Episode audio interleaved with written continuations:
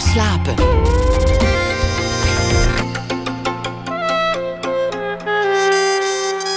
Met Elvie Tromp. Welkom bij Nooit meer slapen. Mannen en seks, dat is als brood met pindakaas. Of toch niet? Nou, Rashif El Kaoui zoekt het uit voor u en voor mij. Straks na half twee. In het derde deel van de podcastreeks De Man is Lam.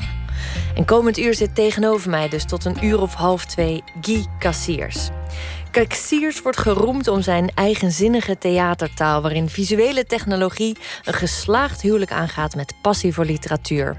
Cassiers was een van de eerste regisseurs die met indrukwekkende multimediale technieken opvallende voorstellingen maakte. En dat bleef niet onopgemerkt.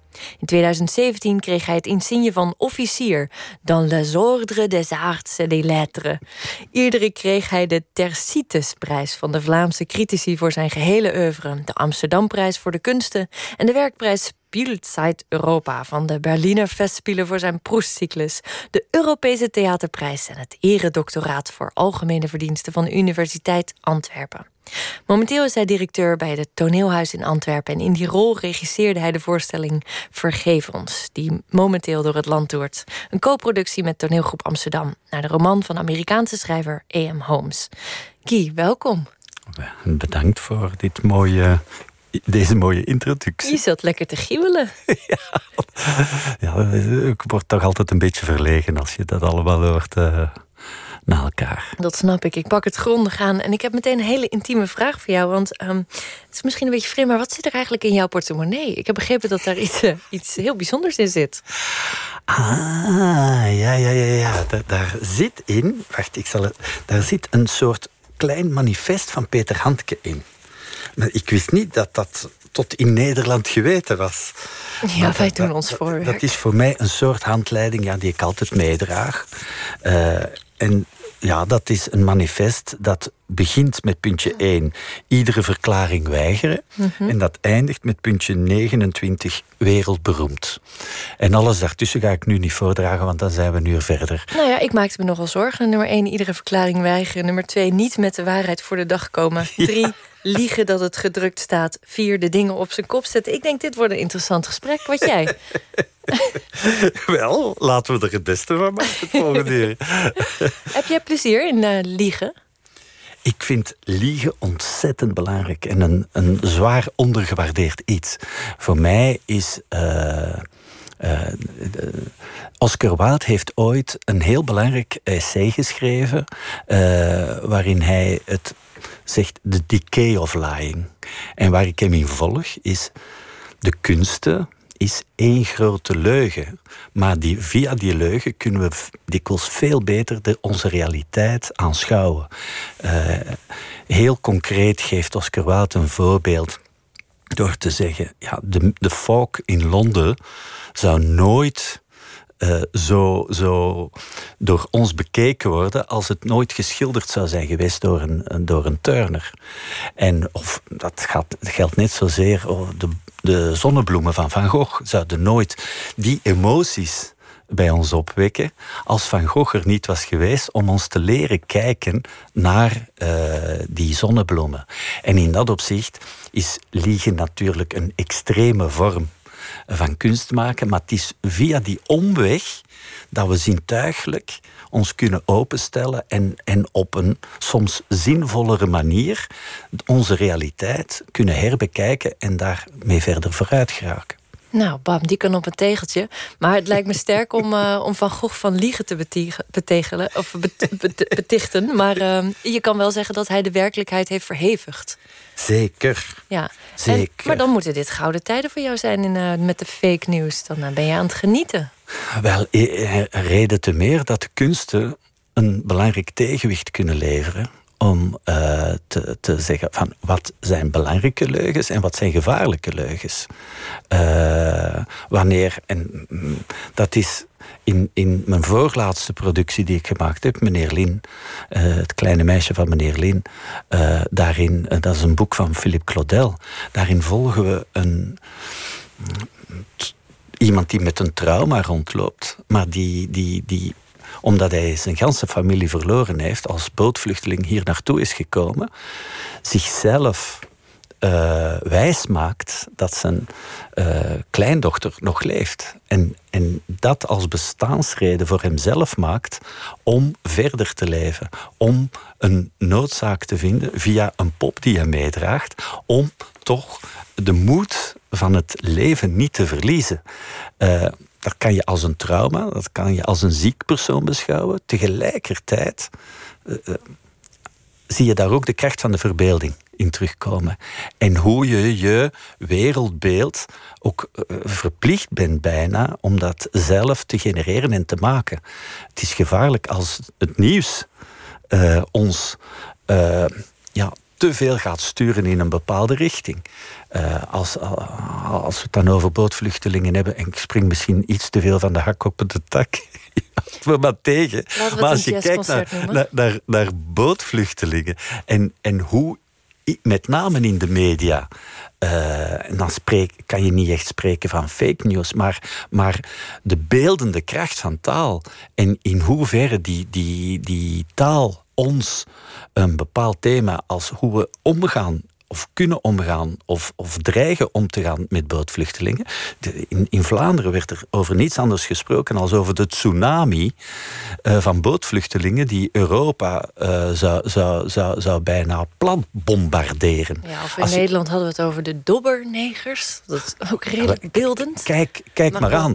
Dat geeft zo'n ja. vind ik, verkeerd beeld.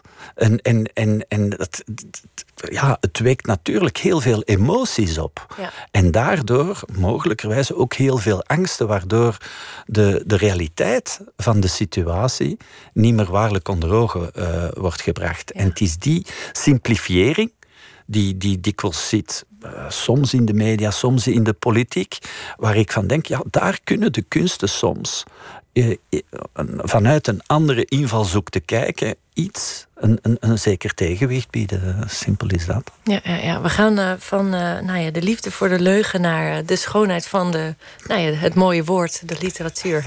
Ja. Naar het, het belang van de kunst. Je gaat ja. snel en we gaan diep meteen. Sorry. nee, daar, daar, daar ben ik heel blij mee. Ik stroop mijn mouwen op. Um, laten we het eerst eens even hebben over de voorstelling Vergeef ons. Ja. Een boekbewerking van E.M. Holmes. Holmes. Um, je, je bent denk ik um, van de hedendaagse regisseurs de meest literaire degene die de meeste boekbewerkingen wel op zijn naam heeft staan? Meest weet ik niet. Uh, uh, heel veel, ja. En dat is vooral omdat ik denk dat tegenwoordig. Ik noem uh, Proust, Hugo ja. Claus, Roddy Doyle, Pushkin, Joseph Conrad, Virginia ja. Woolf, Toon Tellegen, Robert Musil. veel, ja. Ik vroeg me af, kan je geen goede, kan je geen goede theaterschrijvers vinden? Ik, ik ken fantastische theaterschrijvers en ik werk ook heel graag met hedendaagse mm. theaterauteurs, zoals een Tom Lanois, een Erwin Mortier. Uh, nu, nu vergeet ik er een aantal. Uh, dat zeker en vast. Maar voor mij is, is het, het, de, het inhoudelijke, het thema belangrijker dan de vorm van waaruit ik vertrek. Ik vind, ik, ik heb ook mijn, mijn uh, verantwoordelijkheid binnen toneelhuis in Antwerpen. Daarin moet ik natuurlijk zorgen dat er een gezond evenwicht is van, dat het theaterrepertoire zeker ook aan bod komt. Binnen een stadsgezelschap heb je die verantwoordelijkheid om bepaalde klassiekers terug te gaan herinterpreteren. En er is natuurlijk fantastisch werk uh, dat, dat, dat altijd moet gespeeld blijven. Uh, en dat doe ik af en toe. Maar, maar dat neemt niet weg dat ik denk, oh, er is nu zo'n rijkdom aan inhoud, aan, aan info, uh, die, die ook gespeeld moet worden. Waar ik als regisseur dan van denk, daar kan ik een brugfunctie uh, in zijn naar een publiek toe die die materie moet leren kennen. En, en voor mij is er een, een, een, een jammer genoeg, moet ik soms zeggen, als je met, met fantastische schrijvers praat, die dan per se een theatervoorstelling willen schrijven, dat men dan te vlug denkt in klassieke patronen van hoe het hoort, van hoe dat er een theatertekst moet uitzien. En, en daarvan denk ik zijn tegenwoordig zoveel technieken. De, het uh, publiek is zo volwassen uh, door de andere media buiten het theater om opgevoed dat ze zeer makkelijk verschillende disciplines kunnen combineren. Is dat ook de vrijheid die je neemt in zo'n boekbewerking? Uh, dat, je, dat je zelf, nou ja, hoe je het anseneert. Uh... Wel, wel uh, het is zo dat, dat, dat, de uiteindelijke theatertekst die overblijft, uh, die, die, die wordt mede gevormd door de andere disciplines, die tegelijkertijd, dus door de vormgeving, door uh, de, hoe we met het licht, met de video, met het geluid willen omspringen, ja, dat stuurt mee in het proces, in het voortraject van zo'n zo, zo'n bewerking. Uh, wat vertellen we via welke discipline? Er is niks mooiers om te kunnen dromen vanuit verschillende uh, standpunten. En, en, van, en dat een aantal verschillende artiesten mee kunnen nadenken. Wat zeggen we in welke discipline tegelijkertijd binnen die theatervoorstelling? Waardoor je in het begin altijd, heb ik altijd, zijn de teksten altijd veel te lang. Uh, maar gaandeweg gaan we dan, en soms zeker ook nog in het proces tijdens de repetities, als de acteurs erbij betrokken worden, ga je kijken wat is er effectief nodig dan gaat op een gegeven moment die voorstelling zijn eigen leven leiden. En, en vanuit de verschillende kunstenaars die erbij betrokken zijn, ga je dan vooral beginnen gommen. Ga je beginnen eh, alles uit uh, gommen op een manier dat je, dat je zegt van oké, dat vertellen we enkel en alleen via het geluid. Dat vertellen, enkele, vertellen we enkel en alleen via een beeld. En dat je zo vooral de ruimte laat voor de toeschouwer om met datgene wat we aanreiken, wat er allemaal tegelijkertijd op je afkomt als toeschouwer, om daar in feite je eigen uh, weg in te, kunnen vinden. Dat je zelf als, uh, als kunstenaar aangesproken wordt om met die info die je krijgt, terug een nieuwe constructie te maken. En, en, en, en vooral je creativiteit uh, aan te scherpen terwijl je die materie en je eigen plek te vinden, om dan uiteindelijk, en daar gaat het dan toch om in theater, om uiteindelijk terug heel dicht bij die tekst te geraken. En wat voor jou de essentie was en, en de ervaring toen dat je dat boek las. Ja, en in hoeverre is dat jouw keuze? Ben jij een visuele uh, regisseur? Heb jij meteen het toneelbeeld voor je als je een boek openslaat of een scène leest? Dat je denkt, oké, zo moet het graag gebeuren. Of is dat veel meer een soort... Dat groeit in samenspraak met uh, de artiesten. Uh, waar je die dialoog dan mee, mee wilt voeren. Tegelijkertijd heb ik wel een, een opleiding als graficus. En niet binnen de theatermilieu. In het begin, toen ik jong was, wilde ik me daar vooral van afzetten. Theater was voor mij een hobollig fenomeen. Waar ik me als kunstenaar niet kon mee, mee, ik kon me niet inbeelden dat ik daar binnen iets, iets uh, zou, zou willen betekenen. Maar gaandeweg op school, door uh, niet tevreden te zijn met alleen maar uh, te tekenen. Achter die tekentafel te uh, zitten. miste ik de dialoog. En misschien Mis ook de mensen? En de mensen om samen na te, mee na te denken over bepaalde zaken die mij belangrijk leken. Een, iemand, een, een, een graficus, een schilder, dingen, ja, die, die, die, die wil iets vertellen. Ik kijk vooral rondom mij en hoor fantastische dingen. Lees fantastische dingen. En daar wil ik een soort brugfunctie uh, in zijn om te, om te zeggen, ja, wat ik hier meemaak, daar moeten meer mensen kunnen van profiteren. Dat, en in dat opzicht zoek ik een, een, een, en heb ik de luxe zeg ik heel eerlijk, om mensen bij elkaar te brengen die daar de diepte ingaan in die materie, waardoor dat je uiteindelijk binnen de vorm van een theatervoorstelling een verheftiging krijgt van het hier en nu en, en dat je hopelijk mensen beweegt om niet alleen tijdens de voorstelling, maar ook na die voorstelling verder na te denken over datgene wat je denkt dat relevant is. Ja, um, ik, ik durf je wel uit op te maken dat je in ieder geval een boekenworm bent? Dat je veel leest? Kom je eraan toe? Ik vind veel te weinig, doordat dat mijn job ja, nou, te veel tijd opeist. Ja, want wat is het in een boek dat bij jou resoneert dat je denkt: dit is een boek voor theater? Wel, er is een heel lijstje van boeken die klaar liggen Ah, als ja. mogelijkheid. Maar dat is niet voldoende. Het is niet alleen omdat het iets een goed boek is of dat je daar mogelijkheden in ziet om er een theatervoorstelling van te maken, dat je meteen zegt daarom moet ik dat nu gaan doen. Je, je, je moet een soort extra inhoudelijke grond vinden buiten dat boek om, om het nu te willen maken.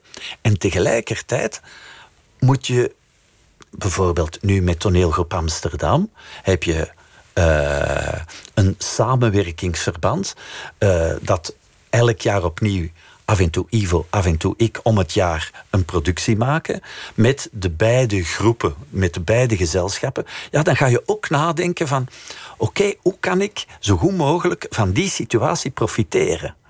Eh, profiteren klinkt negatief, maar ik, ik bedoel daarmee juist op een juiste manier de kwaliteiten die in huis zijn, eh, op een juiste manier te relateren aan een bepaalde inhoud. Zo van, oh, die je acteur zou hier goed voor zijn. Of... Ja, ja. Ja. Eh, dus je, je hebt meteen dan ook al, bijvoorbeeld in deze voorstelling, Ilko Smits, wist ik meteen, ja, dat is dan de ideale persoon. En hij zit oorspronkelijk bij toneelgroep Amsterdam. Hij zit bij toneelgroep Ah, Amsterdam. Dus in dat opzicht eh, ga je dan ook meteen dromen vanuit de mogelijkheden die er zijn. Wat zijn dan de beste combinaties? Voor dit, Wa- ja, wa- want voor dit verhaal. eh, eh, eerlijk gezegd is het staan of vallen van een goede voorstelling 50% voor mij ge- gebeurt voor de eerste repetitiedag.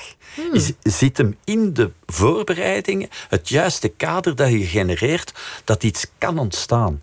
En, en, en, en daarom moeten alle verschillende elementen, alle schilders die betrokken worden om, om een fantastisch schilderij te maken van die voorstelling, ja, die, die, dat, dat, dat kader moet juist liggen. En, en, en daarom is het niet voldoende van een goed boek te hebben dat dat een goede voorstelling wordt. Je, je, er moeten veel meer factoren een rol spelen waar je van denkt, dit is de juiste moment nu om dat te doen. Ja, E.M. Holmes eh, is momenteel in Amsterdam. Je had net een lezing met haar. Ja. En eh, zij zei, eh, je wordt er niet beter in, in het boeken schrijven. Je Nee. begint steeds weer van nul. Bij Dat elk is- boek weer. Ja. En niemand zegt, nu ben je de meester van de boeken. Ja. Ehm, is dat bij jou ook zo als, is- als regisseur? dat- dat- of heb jij een beproefde methode waarvan je weet... nou, dit wordt in ieder geval... Nee. Zo krijg ik in ieder geval 80% eruit. Zo krijg ik in ieder geval vier sterren van de vijf. Nee, nee voor mij blijft, ik zal het anders zeggen, de, de zenuwen, het uur voor de première, dat, dat wordt per jaar erger. Echt Dus waar? de onzekerheid, de twijfel, het belang van de voorstelling. Eh, je, je gaat alles van het verleden zodanig relativeren. en dat is ook een drijfveer om je, je allez, op te peppen naar dat volgend project toe. Ik kan het me zo moeilijk voorstellen. Nee, da- daar, is, daar is ervaring, heeft daar.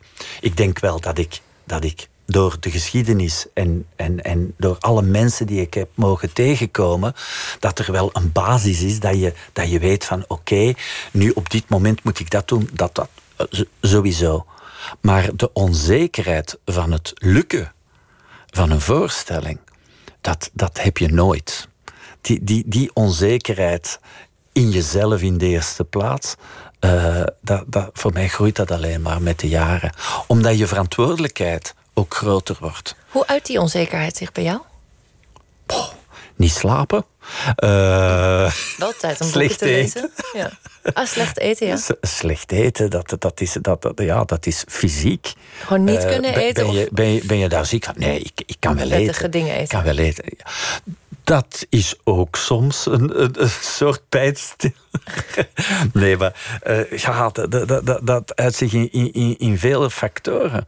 Eh, het, het, het, het feit is, de, de, tussen de eerste voorstelling die je maakte, eh, in je eigen kelder, waar, waar alleen maar familie en vrienden komen kijken, in het beste geval dat je ooit een recensie krijgt, ja, daar ging natuurlijk evenveel van af als eh, voor, voor jezelf, als nu dat je voor duizenden mensen een voorstelling maakt. En, en, en, en, en, en je kan langs één kant een, een slechte recensie relat, relativeren. Langs de andere kant blijft dat uh, even gevoelig, omdat je weet, goh, dit houdt weer een aantal zaken in voor het volgende, voor die mogelijke co-producent, of dat of zus of zo. Uh, dus, dus je verantwoordelijkheid uh, wordt groter naarmate je met meer mensen werkt en naarmate je een groter publiek bedient. Dat is gewoon zo. Ja. Laten we het hebben over um, Vergeef ons. Ja. Een boek van 500 pagina's, meer dan 500. Um, ehm, ik heb begrepen, je zei al, net al, het is altijd te lang, het moet enorm schrappen. Ja. Je had aanvankelijk 3,5 uur, dat werd 2,5 uur. Ja. En dat is een, uh, een wervelwind, kan ik vertellen. Ik heb het gezien. Uh, ik citeer uit de recensie die allemaal eigenlijk allemaal stuk voor stuk jubelend waren. Dus dat moet toch iets van uh, zalf op de onzekere wonden zijn. Um, op het eerste gezicht lijkt Vergeef ons een soort soap. Maar onder de oppervlakte legt Holmes pijnlijke misstanden in de moderne maatschappij bloot. De Amerikaanse, maar zeker ook de onze. Over de zorg gaat het. Het verzekeringswezen, de claimcultuur, liegende presidenten, kapitalisme, hyperindividualisme en de vervreemding door social media. Um, Welk thema in dit boek raakte jou het meest? Wel, enerzijds heeft Holmes dit een, uh, iets meer dan tien jaar uh, geleden geschreven. Opmerkelijk is hoe zij over Nixon praat. En het hoofdpersonage uh, is gebiologeerd door Nixon. in hoeverre die echo nu ons naar het Amerika van nu laat kijken. die echo van Nixon. Ja, die echo ja. van Nixon die, die we schijnbaar al lang vergeten zijn, maar waar klaarblijkelijk met, alleen al in de psyche van die, van die persoon, dat er heel veel overeenkomsten te vinden zijn met de hedendaagse president van Amerika. Dat, dat, dat was voor mij heel opmerkelijk om te kijken, nog voor er ooit sprake was van Trump, hoe zij bijna al vooruitzag in wat er dreigt te gebeuren. Langs de andere kant is natuurlijk voor mij de manier hoe we communiceren. Ik ben ontzettend blij met een programma als dit, waar je nog één op één de tijd kan hebben om het over thema's te hebben. En, en waar het hier en nu van belang is, als ik me verspreek, dan hoort iedereen het. En dat vind ik fantastisch. Dat er die mogelijkheid nog is van dat menselijke, van waaruit we allemaal bestaan, uh, dat daar nog plaats voor gemaakt wordt. En dat. Uh, klaagt Holmes ook aan. Het, het feit dat, dat we nooit meer direct elkaar recht in de ogen ofwel durven kijken ofwel willen kijken. Dat iedereen zichzelf een imago uh, creëert via social media of, of wat dan ook. En, en tegelijkertijd zo onzeker als de pest rondloopt. Uh, en die discrepantie, die schizofrenie bijna, die plaatst zij in een soort hysterisch realisme. Haar boeken, allee, haar laatste boeken, gaan in zo'n hels tempo. Uh, geven zij een, een, een wereld, een stadsbeeld uh, dat op pol geslagen is, zoals je zegt. Die een aantal belangrijke thema's over malfunctioneren uh, van, van, van onze ja, on, ons sociaal netwerk dat heel erg aantoont. En tegelijkertijd doet ze dat met zoveel ironie en, en, en, en menselijkheid onderhuids uh, schrijft ze dat zo mooi neer dat je, dat je het begrijpt, dat je het herkent en dat het je indirect voor mij ook steunt in ja, de, de, op die manieren, de, allez, op die momenten dat je, dat je zelf af en toe verloren loopt in de ja, bureaucratie of, of, of wat dan ook. En daarin speelt zij op een ongelooflijke manier, speelse, schijnbaar speelse manier, uh, geeft zij een, een, een, een zeer grote kritiek op ons ja, uh, handelen, menselijk zijn. En, en, en uh, ja, maakt zij uh, ondanks de heel zwakke elementen uh, en, en, en, en zwakheden van, van ons menselijk denken, ons menselijk zijn, uh, toont zij heel veel empathie. En, en, en generositeit. Ja, dat is een punt waar ik later op terug wil komen. De, het pleidooi voor verbinding eigenlijk. Ja. Um, maar laten we eerst even hebben over de verhaallijn. Uh, waar gaat het eigenlijk over? We zijn al een half uur bijna aan het babbelen en we hebben nog geen idee. We hebben een, um, een geluidsfragment. Een, ja. uh, een uh, soort compilatie van okay. fragmenten uit de voorstelling. Die wou ik even opzetten. Ik, hallo. Hallo. Ik ben Chris. Hallo Chris. En wat brengt jou hier, Chris? Ik ben ontslagen. En ik heb de vrouw van mijn broer geneukt. Sorry, George! Ik wil niet worden zoals jij! Justus, ik moet mama spreken. En toen hij thuis kwam, heeft hij de dood geslagen.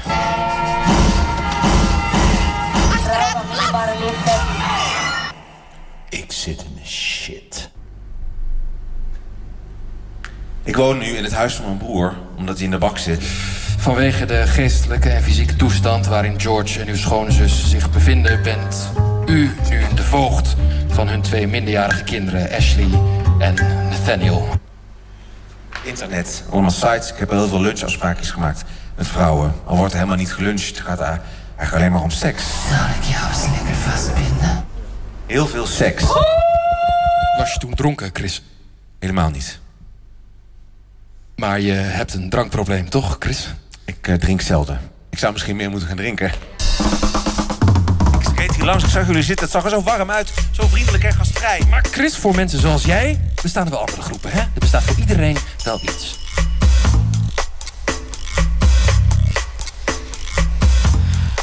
Ja, en als u zich nu zorgen maakt van wat is dit voor hysterie, geen zorgen. De voorstelling duurt 2,5 uur en dit was, waren de hoogtepunten of de meest heftige momenten. Um, in de recensie wordt Holmes ook wel de herenmeester van verrukkelijke rampspoed genoemd. Het hoofdpersonage Harry Silver is eigenlijk een, een gemiddelde man. Uh, gemiddelde witte man. Doodgewoon. Doet het niet slecht in het leven, ook niet bijzonder goed. Nee. Heeft niet een bijzonder opmerkelijk huwelijk met een wat kille vrouw. Nee. En, uh, tamelijk saai. Ja, tamelijk saai. Ja. En hij wordt verliefd op zijn. Uh, op zijn, zijn, zijn de, de vrouw schoonzus, van zijn broer. Ja, zijn schoonzus, ja. Er begint een affaire. Verliefd is, is misschien zelfs een, een te groot woord. Da, het daar, is te daar, daar, om daar, dat nog verliefdheid daar, te noemen. Daar is een, toevallig een, een iets te intieme kus die plaatsvindt tijdens Thanksgiving. En dat zet zijn verbeelding. Uh, dat, dat groeit in zijn verbeelding. Dan doordat zijn broer een auto-ongeluk heeft, waarin er een aantal slachtoffers zijn gevallen, uh, wordt hij onderzocht. En dan groeit de relatie tussen hem en zijn schoonzus. En dan komt op een moment de broer terug thuis en vermoordt de schoonzus. Een echte crime passionnel. Ja, en, en, en, en, en, maar tegelijkertijd is dat na 30 pagina's wordt dit allemaal verteld van de, ik weet niet hoeveel van de Nederlandstalige versie, maar 450 pagina's of ja. dergelijke. Ja, en dan is het, de rampspoed nog maar net begonnen. Ja. De meest verschrikkelijke dingen gebeuren. Ja. Het, uh, het, dochtertje wordt misbruikt. Alles, alles wat maar mis hij kan gaan, hij gaat krijgt mis. een hersenbloeding. Nou ja, goed, ik zal niet te veel verklappen, maar nergens wordt het te veel. Nergens denk je, oh, ik klap dit boek dicht of ik, dit verhaal, ik, ben, ik kan dit niet aan. Nee, het, Hoe, het, waar het, ligt die kracht, denk je? Het, Hoe komt het rare is dat het bijna verslavend is. Ja, je wordt het nergens lezen van zo'n boek. Ja. Je, je gaat maar door, je gaat maar door. En telkens als je denkt, dit kan niet erger worden, weet ze je toch weer te verrassen. Uh, de schrijfster om weer vanuit een totaal nieuwe invalshoek. En het rare is, je blijft het geloven. Het is natuurlijk veel te veel. In, in dat opzicht uh, noem ik het graag hysterisch realisme. Elk zijnetje op zich is perfect begrijpelijk, maar het is door de aaneenschakeling dat je denkt, maar dit kan niet meer. Dit is zo'n rollercoaster van zaken die op een veel te korte uh, manier en moment allemaal bij één persoon gebeuren. Uh, je krijgt geen moment de ruimte om adem te halen, maar tegelijkertijd ontstaat er gaandeweg het boek een soort van, voor mij dan, toen ik het las, een soort van rust van: oké, uh, als dit allemaal gebeurt, wat dan? En dat is de kracht van Holmes, dat het niet alleen maar gaat van kwaad naar erger, maar dat op het einde toch een moment van bezinning komt. Van daar vergeef ons de titel. Er, er zit een, uh, ik zou niet zeggen religieus tintje, maar, maar, maar, maar een referentie van zoeken naar iets hogers in het leven. Uh, en, en dat vindt het hoofdpersonage voor mij voornamelijk vanuit de nuchterheid en de openheid van de kinderen, die nog een perspectief hebben in het leven en die ja, openloos verloren lopen, maar tegelijkertijd vanuit hun eerlijk denken uh, hem richting uh, geven. En, en in dat opzicht is het einde van het boek voor mij heel beloftevol. To toont Holmes dat zelfs na al die miserie die passeert, dat elk mens toch de kracht kan hebben om daaruit uh, beter te worden. Om, om, om, ondanks die zaken waar hij voor een groot deel zelf verantwoordelijk voor was, uh, dat te accepteren en dan daar iets nieuws tegenover te stellen. Ja, dat is zeker hoopvol. En uh, dit gesprek ook. Wij gaan daar straks mee door na het nieuws van 1 uur.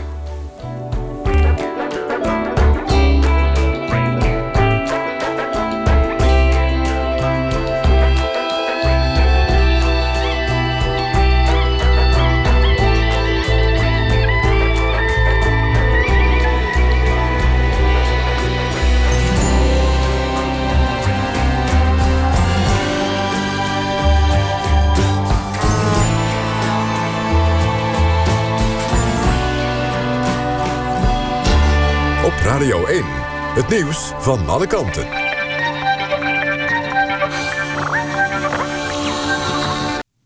Het is 1 uur, Patrick Holtkamp met het NOS-journaal. Bij de Groningse plaats Garsthuizen is een aardbeving gemeten... met een kracht van 2,8. Het KNMI registreerde de beving afgelopen avond rond half twaalf... op een diepte van 3 kilometer. Over schade of gewonden is niets bekend. Op sociale media zeggen mensen dat ze een schok hebben gevoeld. Die meldingen komen uit verschillende plaatsen in Noordoost-Groningen... waaronder Loppersum, Bedum en Uithuizermeden. In het gebied zijn vaker bevingen... als gevolg van de gaswinning door de NAM. De beving bij Garsthuizen is een van de zwaarste aardbevingen van de afgelopen jaren. In januari was er bij Zeerijp een beving die nog zwaarder was, 3,4. Het digitaliseringsproject bij de rechtspraak is met onmiddellijke ingang stilgelegd. Minister Dekkers, Dekkers schrijft de Tweede Kamer dat hij er niet zeker van is dat het proces goed wordt aangestuurd en door de juiste mensen. De minister beraadt zich op een andere aanpak om papierloos te kunnen werken. De politie in Almelo waarschuwt meisjes uit de omgeving... om niet in te gaan op verzoeken via Facebook... aan meisjes die betaald model willen worden. Hun wordt gevraagd of ze foto's willen sturen... liefst in onderbroek of BH. De politie vermoedt dat de persoon de foto's... voor andere doeleinden wil gebruiken. De Raad van State waarschuwt het kabinet dat het te veel geld uitgeeft. De voorgenomen beperking van de gasproductie zal ook negatieve gevolgen hebben... die het kabinet nog niet goed in kaart heeft. De Raad van State adviseert het kabinet een nieuwe risicoanalyse te maken... voor Prinsjesdag bij de miljoenennota. Het ministerie van Financiën zegt in een reactie... dat de overheidsfinanciën er goed voor staan. Het weer. Vannacht plaatselijk mist en rond 7 graden. Overdag eerst grijs, daarna geregeld zon. Het wordt 15 tot 20 graden. In de avond trekken er buien over en dat duurt tot met zondagochtend. Daarna schijnt de zon weer vaker. Ook zondag wordt het 15 tot 20 graden. Dit was het NOS Journaal. NPO Radio 1. VPRO. Nooit meer slapen.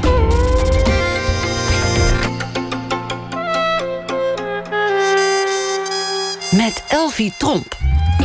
Welkom terug bij Nooit meer slapen. En tegenover mij zit nog steeds Guy Cassiers... die uh, de voorstelling Vergeef ons momenteel rondtoert door ons land. Een theaterbewerking van de gelijknamige roman... van Amerikaanse schrijver A.M. Holmes. En daar hadden we het zojuist over. Nou, ook over het manifest in je portemonnee... waarin zei dat je nooit ergens eerlijk op zou antwoorden. Um, En uh, hoe je gezamenlijk tot een uh, theaterstuk komt. Dat dat echt eigenlijk, zoals Brecht het noemt, een gezamtkunstwerk is met de andere theater, ja, kunstvormen van uh, vormgeving, muziek, beeld, geluid. dat dat heel belangrijk is in jouw werk. En um, nu hebben we het over Vergeef ons. Een, een roman van 500 pagina's, een hypermodern verhaal. Um, ja, met verrukkelijke rampspoed eigenlijk. Je noemde het uh, vanmiddag in een lezing een, uh, een beeldingsroman voor een volwassen, ja. voor een volwassene. Uh, een coming of age van een average white guy. Ja, in, ja. in, in dat opzicht zijn vele beeldingsromans. Ik heb hè, bijvoorbeeld, zoals je ook refereerde naar Proest.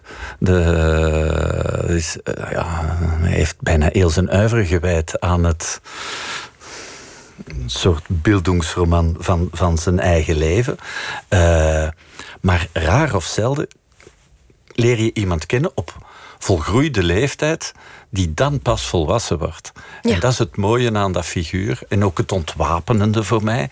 Dat hij uh, zeer intelligent is. Hij, hij geeft les op de universiteit. Maar wat blijkt is, is, is ondanks zijn succesvol leven, normaal getrouwd en dergelijke, ja, ja, is er geen leven. En, en, en, en beseft hij door die zaken waar we net uh, naar refereerden, wat er allemaal in die eerste dertig pagina's gebeurt, valt heel zijn familie volledig uit elkaar. En, en, en dan pas begint hij na te denken: wat wil ik met mijn leven? En het is door de situaties dat hij plots begint te ageren en, en zichzelf een persoonlijkheid uh, opbouwt. En, de, en, en, en dat is voor mij zo schoon om te zien hoe hij, ondanks al die miserie die, die op hem afkomt, dat hij stilaan uh, een soort rust over hem krijgt. En zelf kan zeggen uh, wat voor hem hoofdzaken zijn en wat bijzaken zijn. En hij uiteindelijk met een totaal nieuwe familie rond de tafel zit na één jaar tijd met mensen die hij in feite nog maar net heeft leren kennen, maar die hij zijn familie beschouwt. En voor hem is dat op dat moment familie de mensen waar hij voor wil vechten uh, en, en, en, en waar hij een intieme band mee wil ontwikkelen. En dat staat voor hem dan los van degenen waaruit hij ontstaan is en de familie van waaruit hij komt. En, en, en wat een hyper-individueel uh, leven, competitief Amerikaans. Uh, nou ja, goed, eigenlijk zijn ja. ons, is onze hele westerse maatschappij redelijk individualistisch en uh, ja. competitief. Ik vond het ook het verhaal van de moderne witte man. Toch een beetje het offerlam van deze tijd. Die heeft het niet makkelijk. Die krijgt het in de media stevig te verduren. ik heb altijd een beetje met hem te doen. En ik heb ook met hem te doen in dit boek. En ook in dit toneelstuk. Hij wordt zo geacht de, dit hoofdpersonage rationeel te handelen. Mm. En hij wordt ook echt berispt, berispt door de andere personages ja, als hij zijn niet. emoties toont. Ja, ja, Zo van, jij bent toch de man, jij regelt het toch? Zo zit hij op een gegeven moment te huilen in het park. Ja. En dan komt er een politieman naar hem toe of die weg wil mm. gaan, van, want hij maakt mensen mm. van streek. Um, of of nou, hij heeft totaal irrationele, vreemde, losse seksuele contacten. En als hij probeert nou ja, te begrijpen, dan zeggen ze ja of, of, of als zij die dames probeert te helpen door te zeggen: laten we niet eens buiten dat seksgedeelte. Is, is kijken. Wat er is. En hoe ik jou normaal, op een normale manier kan helpen, ja. ja dan, dan, dan uh, haken de mensen af. Dus ze maken van hem ja, ook ja, dat beeld van die man. Maar, Was dat ook jouw bedoeling? Heb jij het te doen met de witte man? Ja, of het nu de witte man. Uh, het, het is wel zo, dat, dat, dat, kan je een beetje Holmes aanrekenen, dat ze zich effectief uh, op de witte samenleving baseert. Er komen een aantal andere personages langs, uh, die dan ook stevige kritiek geven op die witte samenleving. Maar tegelijkertijd is het een wit boek. Ja. Uh, dat, dat, dat, kan je niet, dat kan je niet te buiten.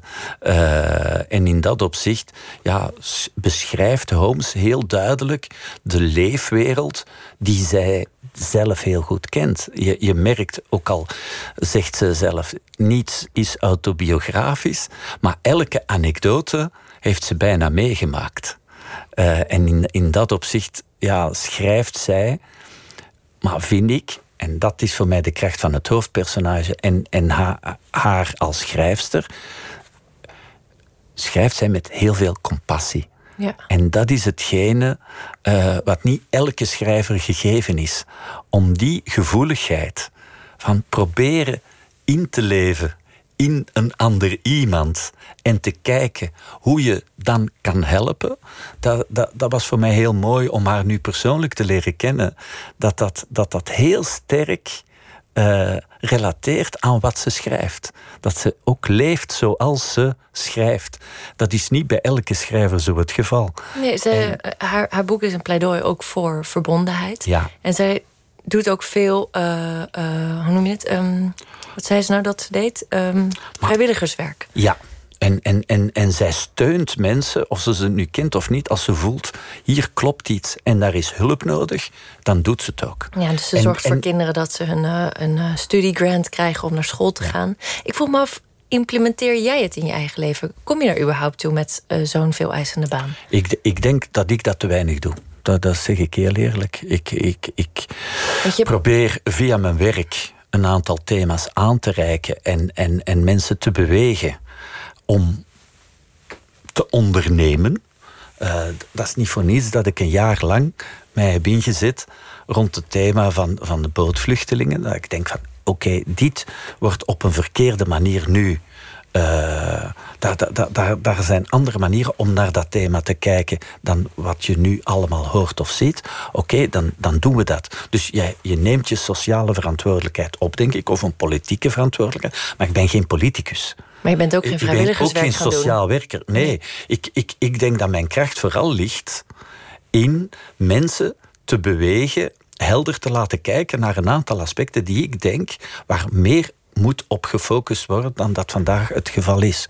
Dus in dat opzicht denk ik wel dat ik uh, begaan ben met de situatie, uh, zonder uh, dat ik ja, tegelijkertijd kan je zeggen, ja, ja, als je zo begaan bent met, met, met de situatie van de bootvluchtelingen, ga dan gewoon naar Calais. Ga boterhammetjes smeren. En, voilà. en, en die mensen die dat zeggen, hebben gelijk. Enerzijds, anderzijds. Denk ik, moeten er ook andere uh, manieren zijn dat je indirect evenveel kan betekenen. Alleen is dat resultaat niet letterlijk af te leiden in het aantal boterhammen dat je smeert. Voilà. Dat is zo. Ja, ja, ja. Um, uh, het werk van Holmes uh, is duidelijk in twee um, uh, delen te onderverdelen. Namelijk een voor- en een na 9-11. Ja. Zij zag het tweede vliegtuig, ja. ze komt uit New York, het tweede vliegtuig in de toren vliegen. En um, op dat moment verdween al het cynisme uit haar werk. Daarvoor schreef ze redelijk stekelige, ja. harde, nare boeken. Um, en daar kwam eerst uit uh, dit boek Red je leven en dan Vergeef ons. Waarvan ook wel wordt genoemd dat het een soort bezwering is, een troostvolle bezwering. Um, en ik vroeg me af, heeft jouw werk zoiets doorgemaakt? Een voor- en een na-tijdperk. Is er zo'n moment in de geschiedenis geweest? Nee, nee als, je, als je het hebt over 9-11, ja, dat heb ik door mijn echtgenote die daar evenzeer aanwezig was en het ook evenzeer heeft meegemaakt, is voor mij natuurlijk ook een geweldig impact gemaakt. Maar niet dat dat direct mijn werk uh, zo, zo meteen heeft beïnvloed. Een van de belangrijke zaken uh, die, die, die, die, die voor mij uh, ja, mijn werk hebben veranderd, dat is, nou, en dan komen we dicht bij de plek waar we hier nu zitten, dat is het, de moord op Pim Fortuyn. Mm. Uh, is een, een, voor mij een heel belangrijk gegeven geweest, omdat ik, ik, was, ik, ik woonde in Rotterdam. Ik uh, had de leiding over het Roodtheater. Uh, en ik moet eerlijk zeggen, alles met Leefbaar Rotterdam. En toen de hetze, uh, die, die, die ook gevoerd werd rond cultuur. En wat cultuur al dan niet mocht betekenen. dat is voor mij, dat heb ik, daar heb ik mij schuldig over gevoeld. Niet zozeer de discussie daar rond, maar dat ik niet heb zien aankomen dat, dat wat er allemaal in Rotterdam broeide. Ja, dat is eigenlijk waar, de meest waar... multiculturele stad van, van Nederland. Ja. Maar ook een stad die op heel en, veel lijstjes spreekt waar je niet op wil staan. Qua werkloosheid en, en maar criminaliteit. Ik, heb mij daar, ik, ik ben daar zeer gastvrij onthaald. als theatermaker. Ik heb daar een geweldige periode doorgemaakt. En ik heb mij te weinig met die stad bezig gehouden. Realiseerde ik mij achteraf. Door, door hoe de, de politieke situatie daar voor mij dus, bijna van dag 1 op dag 2 totaal veranderde. Hoor ik je nu spijt? Ik, ja, spijt niet. Ik heb een geweldige tijd doorgemaakt. Ik heb uh, samen met het Theater een, denk ik, een heel uh, ja, fantastische voorstellingen kunnen maken. En, en een, ja, een, een, een, met het publiek dat er toen was, een, een geweldige tijd meegemaakt. Alleen toen ik dan gevraagd werd naar Antwerpen te komen, heb ik wel mijn functie herdacht als, als directeur van, van zo'n huis. En voelde ik wel, ja, je moet toch op een iets andere manier uh, verantwoordelijkheid dragen over die stad, uh, waar je dan als gezelschap mee zeg maar, je aan lieert.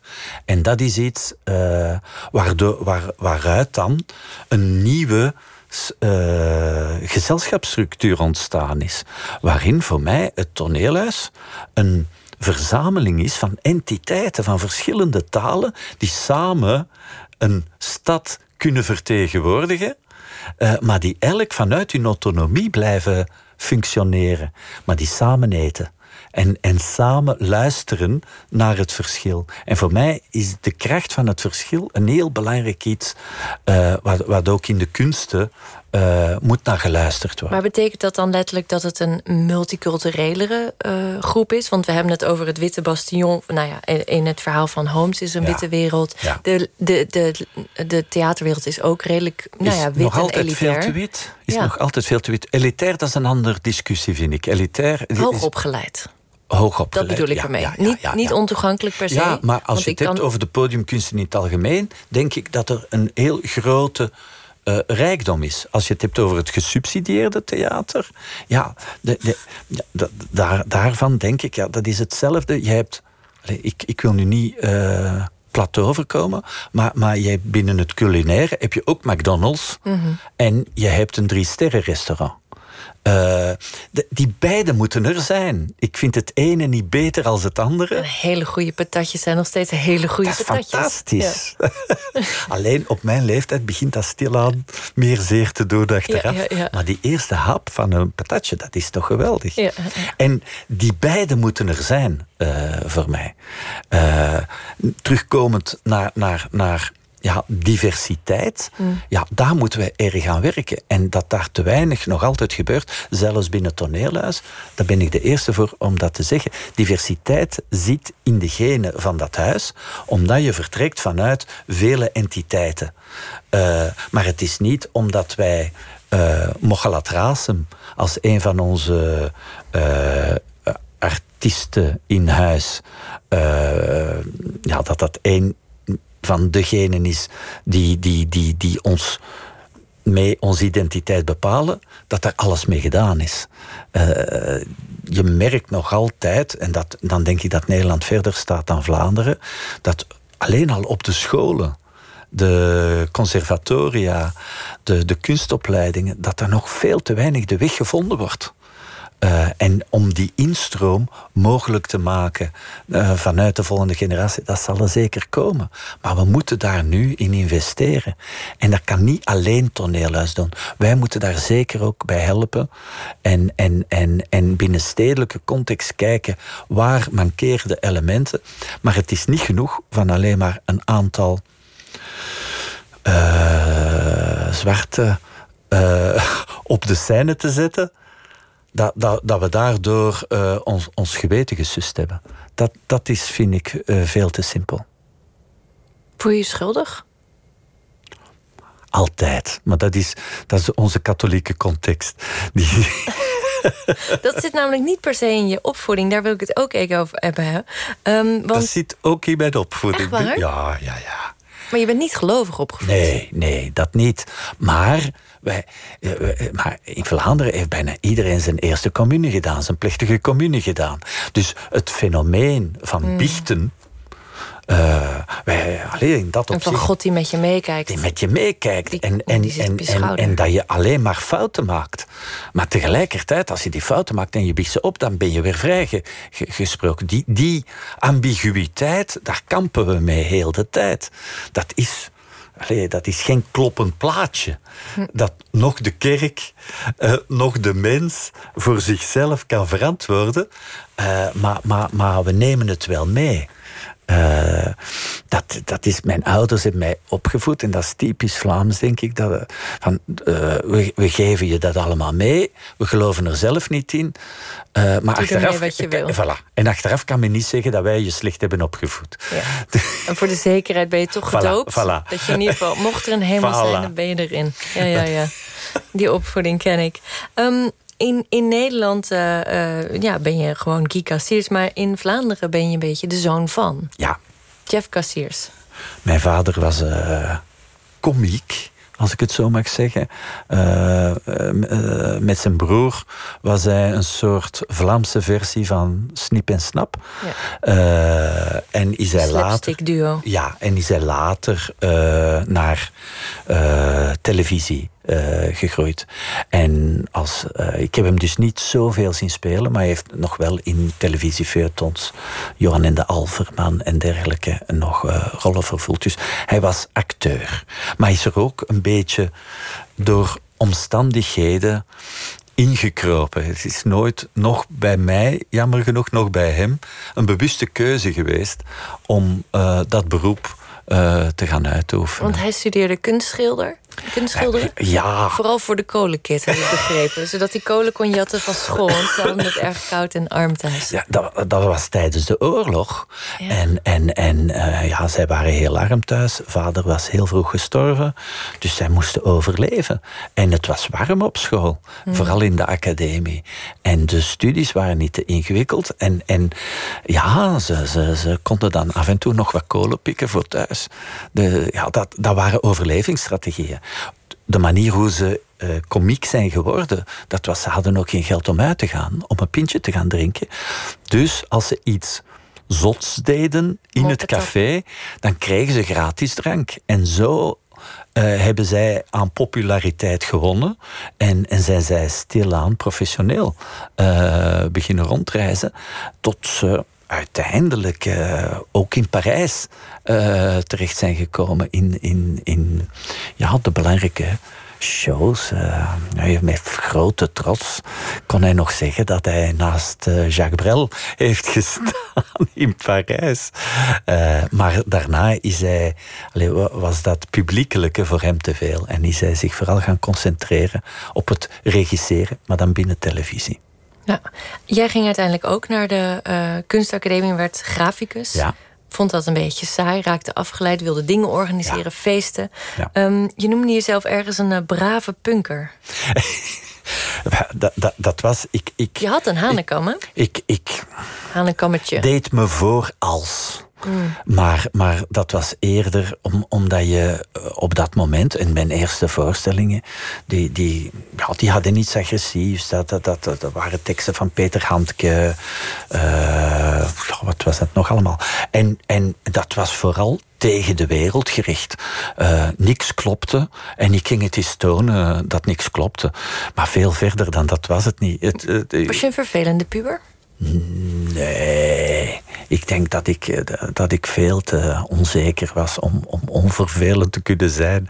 Ik was iemand die, die, die, die, die vooral probeerde mij te amuseren. En, en ook andere mensen eerder aan het lachen te brengen dan, dan, dan dat ik de confrontatie eh, aanging. Die confrontatie wel op de scène.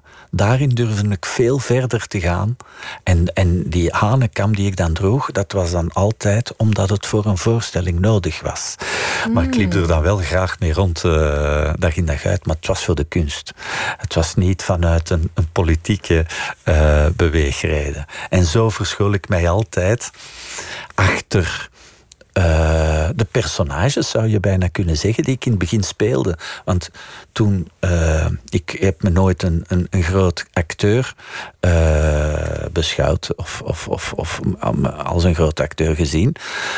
maar toen waren er weinig mensen die voor mij wilden spelen. Dus dan moest je het zelf doen? dus dan moest ik het maar zelf doen. De affiches maken en, en decor in elkaar knutselen. Maar mis je dat dan nu niet, het inleven? Of het Nee, nee het, het, waar, waarom ik het heel belangrijk vind dat ik het heb gedaan, dat is dat ik weet wat een acteur doormaakt binnen het zoeken naar de juiste keuzes. En, en daar heb ik ontzettend veel respect voor. Maar als ik al zei dat ik uh, sterf voor een première als mens, ja, als acteur is dat nog veel, veel erger. Het enige verschil is, als een acteur één keer bezig is op de scène, ja, dan gaat hij ervoor. En dan, dan, dan voelt hij dat het goed gaat of slecht gaat, maar hij heeft het in de hand. En dat is het moeilijke voor een regisseur. Vanaf het moment dat de voorstelling zijn publiek vindt, wordt hij buitenstaander. Ja. Dat is zo'n beetje zoals een, een, een, een, een vader die zijn kind wegschenkt op een trouw. Uh, dat, is, dat is met heel veel liefde. Uh, zie je iets een eigen leven beginnen leiden. En tegelijkertijd mis je de, de, die intimiteit van, van een repetitieproces. Waarin dingen ontstaan. Uh, dat, is, dat is heel dubbel. Uh, dat gevoel. Was jouw vader ook, had hij diezelfde soort onzekerheid? Ja, hij, hij, was een heel, ja, mede door, door, door zijn werk was hij een heel sociaal iemand. Uh, hij uh, wist zeer goed, en ik denk dat ik dat heel erg van hem heb meegekregen, uh, dat hij, hij wist een groep te bewegen. Hij kon mensen enthousiasmeren. hij kon binnen de BRT, wat toen een, een vrij hiërarchisch orgaan was, ik kan moeilijk over vandaag spreken, want daar, daar sta ik te ver af, kon, kon hij zaken genereren uh, die buiten alle codes uh, gingen. En, en iedereen deed dat voor hem. Dat was zijn grote kracht. Hij kon mensen overtuigen uh, van het project waarin hij zelf begeesterd was. En zijn grote kracht was ook telkens als hij iets kende, dat, hij, dat het saai voor hem begon te worden. Dus dat hij telkens naar nieuwe uitdagingen zocht, andere zaken uh, probeerde te leren kennen en, en zo zichzelf telkens opnieuw heruitvond. Lijkt me ook vermoeiend. Jullie speelden ja, toch? Ja, ja, ja. Ook vermoeiend. Ook voor de mensen om hem heen. Ja, ja. Hou hem maar eens bij. ben, je, ben je ook zo onrustig? Onrustig, uh, inwendig. Je hebt wel zo'n opgewektheid. Ja, ja. Dat, is een manier om mensen samen te brengen. Dat heb je al meerdere keren gezegd over je werk. Ja, dat, alleen maar. Dat, de, de, ik, maar ik leer vaak, ontzettend veel van de mensen die ik tegenkom. Hmm. Dat is hetgene wat ik miste in mijn opleiding. Uh, daar, daar, had je het contact met de leraar, leerling, en that's it. En voor de rest moest jij dan vertellen wat je, hoe jij de wereld zag. Nee, ik gebruik heel graag uh, teksten van iemand anders om te ontdekken hoe de wereld in elkaar zit. En als ik dan de kans krijg om met andere mensen dat mee te analyseren, ja, dan word ik alleen maar rijker uh, van, van zo'n proces. En hopelijk ook kan je dat, die info die je dan ontdekt, doorgeven aan het publiek. Maar ja, dat is. Dat is dus eh, je genereert je eigen school. En tegelijkertijd hoop je dat het publiek daar ook iets beter van wordt. Dat is een, alleen een goede deal, denk ik, dan uh, voor beide partijen. Ja. Je vader is redelijk jong gestorven. Ja. Je hebt hem nu met een jaar overleefd. Ja. Ben je daar, ja. Leef je daar bewust mee? Nee. Ik wist, nee, zo heb ik er nooit uh, naar gekeken.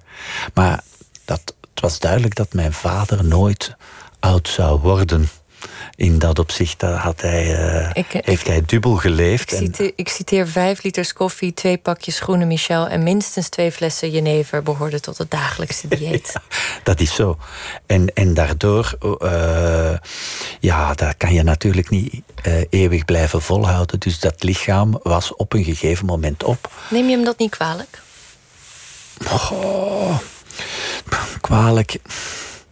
Dat is, ik, ik, natuurlijk heb ik een aantal aspecten van wat een tussen aanhalingstekens, normaal vader je zou geven, heb ik een aantal delen gemist.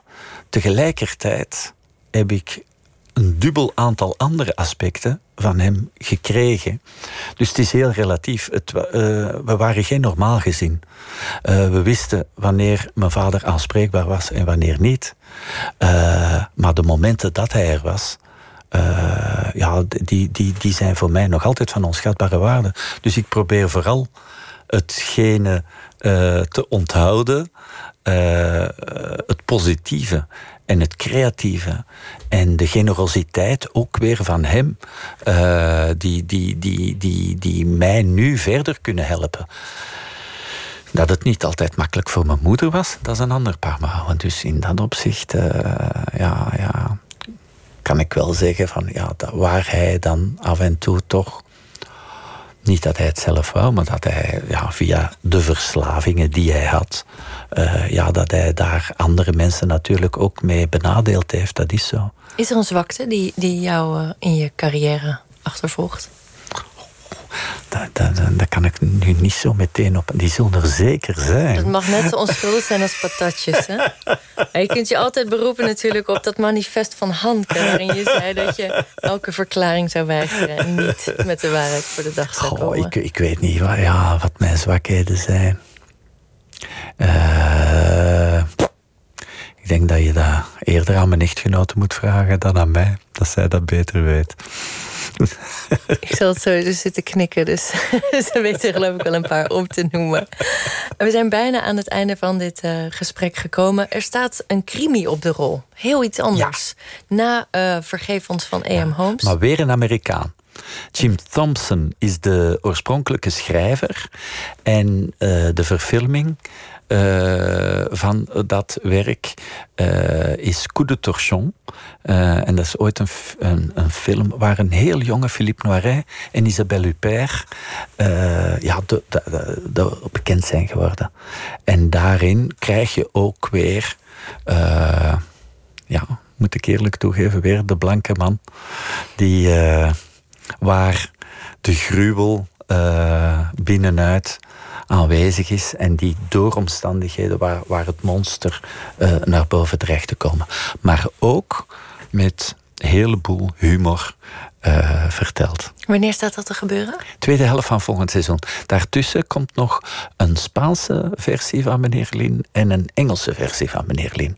Staat nog op het programma. En wat ik me ook afvroeg, gaat Vergeef ons ook uh, naar de andere kant van de grote oceaan? Wel, als we, als we mevrouw Holmes mogen geloven, uh, gaat zij daar alles aan doen om het te proberen, alleszins. Het is, het is haar ja, heel goed bevallen en, en ja, ze wil het per se mee proberen te, de weg te laten vinden naar, naar Amerika toe. Dat zou natuurlijk een fantastisch cadeau zijn. Zou dat de eerste voorstelling van jou zijn? Naar uh, nee, uh, Bezonken Rood heeft er gespeeld. En er zijn nog een paar andere voorstellingen van, van toneelhuis, van Bergman. Uh, Bergman heeft er gestaan. Benjamin Verdonk heeft er gestaan, maar dus dat is nog vrij Ah, Sumier. Ja, dus dat is nog een wereld dat, om te verkennen. Ik vraag dat omdat ik het nog even wilde hebben over nummer 29 van het een manifest van Handke wat je in je portemonnee hebt staan. Daarin staat wereldberoemd worden. is dat nog steeds een verlangen en hoe gaat het ermee? Uh, wel, dat is dus een van de relativerende factoren van dat manifest. Want in dat manifest staat ook dat nooit een manifest schrijven. En schoensmeer kopen. uh, Nee, dat is voor mij zeker niet het belangrijkste in, in, in waar ik mij mee bezig hoor te houden. De, voor mij is het, het reizen belangrijk. Uh, het feit dat we met toneelhuis heel veel landen aandoen, elk jaar opnieuw, uh, doorheen gans Europa, vind ik heel belangrijk om. Het is, dat kom ik ook weer op hetzelfde terug als, als waarom toneelhuis toneelhuis is geworden het is heel belangrijk om, om je eigen te leren kennen door het ongekende te durven aanspreken. En, en, en door in andere culturen je voorstelling ineens op een andere manier te kunnen bekijken, die ervaring neem je terug mee naar Antwerpen. En die wisselwerking is voor mij van ontzettend groot belang. Dat je, we spreken over een verenigd Europa, maar dat is het natuurlijk nog lang niet. En, en ik, dat sterker nog, het wordt steeds minder. Zelfs tussen Nederland en België. Uh, wordt er steeds minder gecommuniceerd. De, het aantal theatervoorstellingen. Dat, nu, Nederland is nooit genoeg uitgenodigd in België. Uh, maar, maar Belgen komen ook steeds minder in Nederland terecht. En daarom is juist zo'n samenwerkingsverband tussen Toneelgroep Amsterdam en Toneelhuis zo'n belangrijk fenomeen dat we blijven, we moeten blijven luisteren naar elkaar. Niet dat dat één grijze zone moet worden, we moeten durven mekaars verschillen ontdekken. We praten op een verschillende manier, maar we kunnen zoveel rijker worden van die verschillende kleuren uh, die we allemaal spreken. En dat is hetgene waar de podiumkunsten een heel belangrijke functie in blijven vertoeven.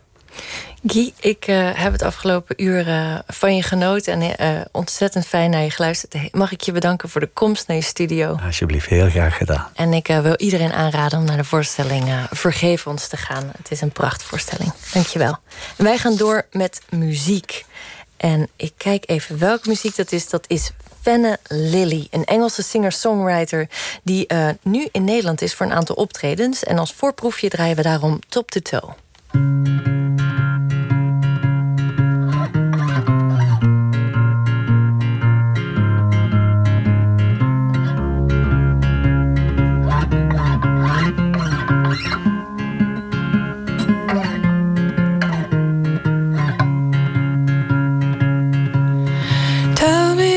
best for us. Take away the truth because sleeping top to toe with me isn't what it used to be.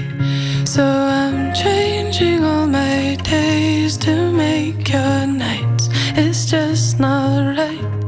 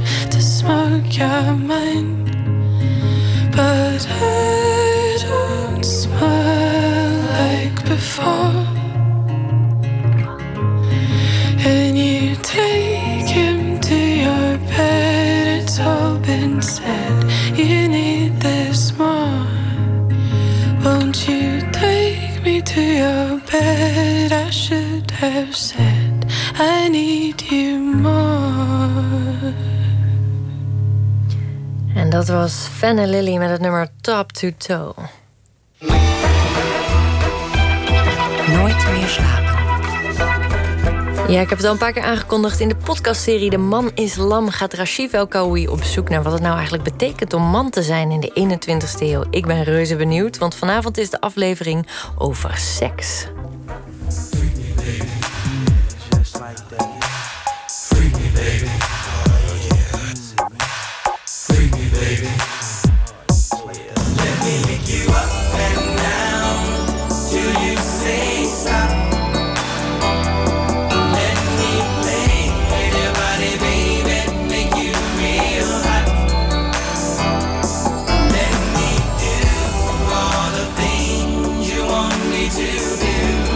Dat was Silk met Freak Me. Beste luisteraar, ik waarschuw u. Deze aflevering over seksualiteit is voornamelijk een excuus om al mijn favoriete foute jaren 90 RB ongenuanceerd op u los te laten. Maar dit terzijde. Hallo en welkom bij de Man Islam podcast. Mijn naam is Rashid El Kawi en ik zal u de komende afleveringen meenemen op mijn zoektocht naar man zijn. En naar wat dat in godsnaam hoort te betekenen. In de vorige aflevering zat ik neer met mannenwetenschapper Lauk Woltering over het verschil tussen jongens en meisjes en over opvoeding in general. Deze aflevering gaan we een iets zwoelere richting uit. Ik sprak met Ingeborg Timmerman, seksuologe en auteur van het boek Zin in Seks. En met een tantrische gigolo die we voor de gemakkelijkheid Peter gaan noemen. Een kleine disclaimer. Het interview met Peter speelde zich af voor de hetze omtrent de dubieuze praktijken in tantrische opleidingen in Nederland. De fragmenten die u zal horen zijn een weergave van een open gesprek met een persoon, niet met een instituut. Heel veel mensen eigenlijk met een bepaald soort geconditioneerd idee rondlopen over wat seks inhoudt, over hoe je moet gedragen als seks. Er zit heel veel schaamte, taboe, schuld zit erop. Vrouwen hebben een bepaald idee wat ze vooral niet moeten doen. En mannen hebben een bepaald idee dat als ze heel veel seks hebben, dat ze heel stoer zijn. En uh, al die dingen die zorgen eigenlijk voor dat het heel lastig is om ontspannen te zijn over seksualiteit. Terwijl dat eigenlijk bijna een soort grove ontkenning is van wat je om, de, om je heen ziet in de wereld. Alles draait om seks. Reclames draaien om seks. Alles Weet je, hoe mensen zich kleden. Uh, wasmiddelreclames gaan over seks. Kopjes koffie drinken. Weet je, alles gaat over seks, lijkt het wel. Dankjewel, Peter. Hij kan al niet meer wachten om eraan te beginnen. Wanneer we denken aan mannen en seksualiteit, denken we meestal aan... Face down, ass up, that's the way we like the fuck. Face down, ass up, that's the way we like the fuck. Maar valt de man werkelijk te herleiden tot een pompend, kloppend lid? Of is er meer aan de hand achter zijn purperen kop? Als ik het even heel groot trek. Alles in de natuur is gebaseerd op aantrekkingskracht, op polariteit, op mannelijkheid en vrouwelijkheid. En dat geldt ook voor de mensen. Mannen en vrouwen zijn niet dezelfde soort wezens. Ze zijn gewoon echt anders. En dat is een beetje verwaterd door feminisme en andere zaken, waarbij vrouwen eigenlijk inmiddels bijna alles op, op spierkracht naar even goed kunnen als mannen. En dat er bijna een soort, soort schaamte of taboe op zit. Dat je als man eigenlijk niet gewoon echt ook een man mag zijn en, en, en de leiding mag nemen, omdat het dan vaak al een, een bepaald soort idee van repressie en, en, en, en verkeerd gedrag uh, beelden van dat, van dat oproept. En ja, dat is eigenlijk gewoon waanzin. Want juist doordat de mannen vrouwelijker worden, wat goed is als je daarnaast ook maar mannelijk bent. Het is goed als je je vrouwelijk stuk gewoon heel erg voelt. Maar als de mannen alleen maar vrouwelijk worden en geen beslissingen meer nemen... en de, de, vrouwen eigenlijk steeds meer in hun mannelijk schild komen... En, en eigenlijk ook met hun vuist op tafel slaan en zo gaan we doen. En ja, ja, dan heb je eigenlijk twee gedepolariseerde magneten. Dat is niet aantrekkelijk. Dat, dat zie je ook in relaties. Als je op die manier met elkaar omgaat... alleen maar een soort contractuele verhouding met elkaar leeft... en uh, jij doet dit, ik doe dat, zus en zo... wat ga jij doen, hoe gaan we met elkaar rekening houden, bla bla bla... ja, dan word je broer en zus als er één ding een killer is voor de relatie, is, is dat het wel. En ook gewoon uit alle onderzoeken blijkt ook dat als de seks slecht is, dat is de nummer één reden waarom een relatie fout gaat. Nou, de seks die wordt vanzelf slecht als je er niet aan blijft werken. En als je ook niet toch in ieder geval een bepaald idee hebt hoe dat werkt met polariteit, met aantrekkingskracht. En daar moet je voor werken. En ik doe ook koppelsessies met stellen. En dan vanuit mijn werk als gigolo. En wat ik altijd zie is zeg maar, wat er gebeurt in de slaapkamer... is een soort microcosmos van wat ik denk wat er ook daarbuiten gebeurt. En dat, dat zie ik ook. Alle patronen in bed spelen zich af daarbuiten. En vaak is het een, een vrouw die controlezuchtig is omdat ze het niet vertrouwt. En een, een man die uh, eigenlijk doet datgene wat hij denkt dat zijn vrouw wilt. ja, het is alsof het een soort, uh, een soort moederfiguur is. Zijn vriendin die die dan probeert te, te pleasen. Uh, iets te geven wat ze wilt. Uh, ja, dat is niet erg aantrekkelijk. Oké, Peter. Vooraleer er mensen beginnen te stijgeren... geloof ik dat we toch een beetje moeten nuanceren. Ingeborg, wil jij eens proberen? Positief is dus dat mannen veel meer willen weten wat de vrouw opwindt. En dat ze daar ook op, op zoek naar gaan. En dat ze eigenlijk zichzelf beter voelen op het moment dat de vrouw meer opgewonden is. He, dat, want dan heb je het goed gedaan. He, een beetje dat. En het is natuurlijk ook zo dat sommige mannen ook meer opgewonden worden van een opgewonden vrouw. Ik bedoel, he, een niet opgewonden vrouw is, waarschijnlijk ook veel minder opwindend voor een heleboel mannen. sommige mannen maakt het niet uit. dus mannen die een beetje gaan op hun eigen kracht en eigen opwinding, boeit het eigenlijk niet. Die hebben helemaal niet zo in de gaten of hun partner wel of niet opgewonden is. Maar je hebt ook een groep mannen die daar juist wel heel erg gevoelig voor is. En die daar een soort nou ja, werkstukje van maken in bed, hè, bij wijze van spreken. En dan zijn ze iets af van hun eigen gevoel. En dat is soms ook wel jammer. Hè? Dat, dat, dat is denk ik dat stu stukje lam zijn. My mind's telling me no. But my body, my body's telling me yes.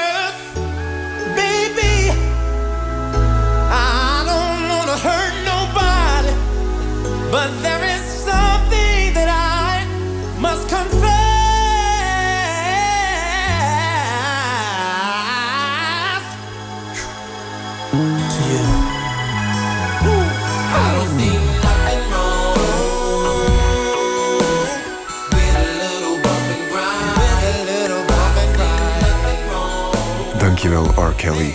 Er is inderdaad niets mis met a little bump and grind. De gemoederen zijn wat bedaard. Peter, het woord is weer aan jou. Ik heb sessies met vrouwen. En ik heb sessies met stellen. Nou, heel kort gezegd, in een sessie met een vrouw open ik haar seksueel. Zoveel als dat zij uh, kan openen. Dus ik heb seks met haar. En ik creëer een, een, een omgeving waarin zij zich veilig voelt, uh, gezien voelt, heel belangrijk. En waarin ze zich durft ontspannen en, en kwetsbaar op te stellen. En dat werkt alleen maar als ik mezelf ook kwetsbaar opstel.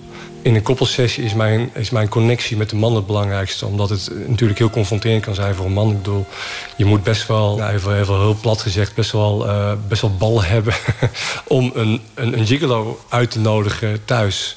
Omdat het toch een bepaald idee misschien van jezelf geeft dat je misschien niet goed genoeg bent. En, en dat besef ik ook heel erg. Dus het is, het is confronterend voor zo'n man. Het is zeker niet voor alle stellen weggelegd uh, om dit te doen. Dus ik wil dat hij zich veilig voelt, dat hij zich gezien voelt. En ik wil een hele goede connectie met hem hebben. Dat zeg ik ook altijd bij met zo'n stel. Dat is het belangrijkste. Want als ik voel dat die man zich verwijdert, dan voelt die vrouw dat ook. En dan, dan gaat zij op slot, om het zo maar te zeggen. Ja, en dan gaan wij samen aan de slag. Ja, ik, het klinkt misschien een beetje raar, maar dat is wat we, dan, uh, wat we dan doen. Ik geloof niet dat iedereen zich zo comfortabel zou voelen om van jou een bezoekje te krijgen. Dus kan je even uitleggen, wat leer je die mannen dan? Hoe moet een man zich in bed gedragen? Um, kwetsbaar kwetsbaar. Um, dat is denk ik het belangrijkste. Nou, dat is het een na belangrijkste. Het andere is dat hij helemaal, helemaal present is. Helemaal in het nu aanwezig. Bij de vrouw blijft. En echt connectie met haar houdt. Mannen hebben geen idee hoe intiem het is om nou ja, gepenetreerd te worden die, die weten niet wat dat betekent. Behalve als ze zelf gepenetreerd zijn. Dan weten ze hoe, hoe, hoe, hoe heftig dat is. En het is heel pijnlijk voor een vrouw om, om met iemand te zijn die, die echt binnen hun komt, letterlijk die eigenlijk in, in, in zijn hoofd zit of denkt bezig is met hoe die moet presteren of bezig is of die, uh, of die wel uh, ja, of, of die wel een erectie kan krijgen. En het, het, het is heel pijnlijk. En mannen hebben misschien het idee dat vrouwen het niet voelen, maar ze voelen het heel goed. Vrouwen voelen het allemaal. En ja, ze zullen het niet zeggen, maar het zorgt ervoor dat ze hun hart dicht houden. Dus het, als, als een man echt helemaal aanwezig kan blijven, kwetsbaar kan zijn. Ook als misschien dingen niet lukken, dat je ook kan zeggen... luister, lieverd, het, ik, ik vind het even lastig... want ik weet even niet wat ik moet doen, ik ben een beetje onzeker. Het, het, het is echt een, een, een kracht die je als man laat zien. Alleen, we zijn zo ja, geconditioneerd om dat niet te doen Omdat we dan uitgewachen worden door vriendjes of wat dan ook. Of we zien de beelden van, van, van, van seks of porno op tv. Dat we dat gewoon niet durven.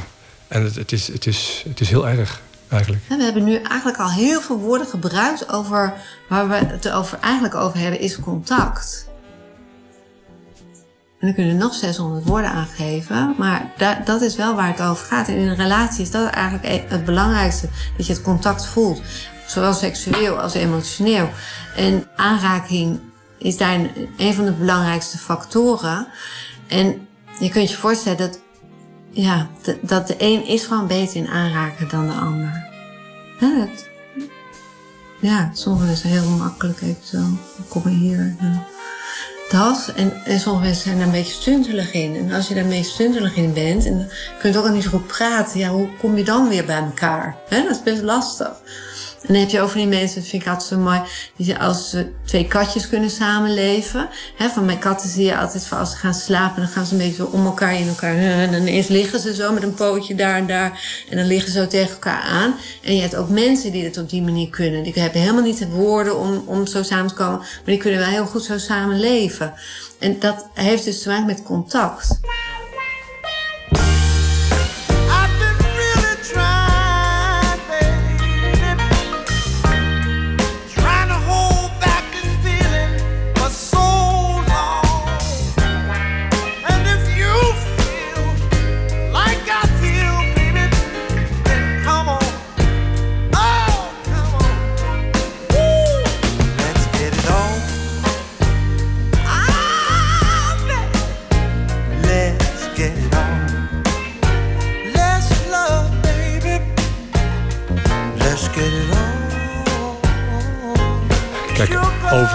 Vereist inderdaad dat iemand anders de leiding neemt. Want, want anders, ja, waar geef je aan over?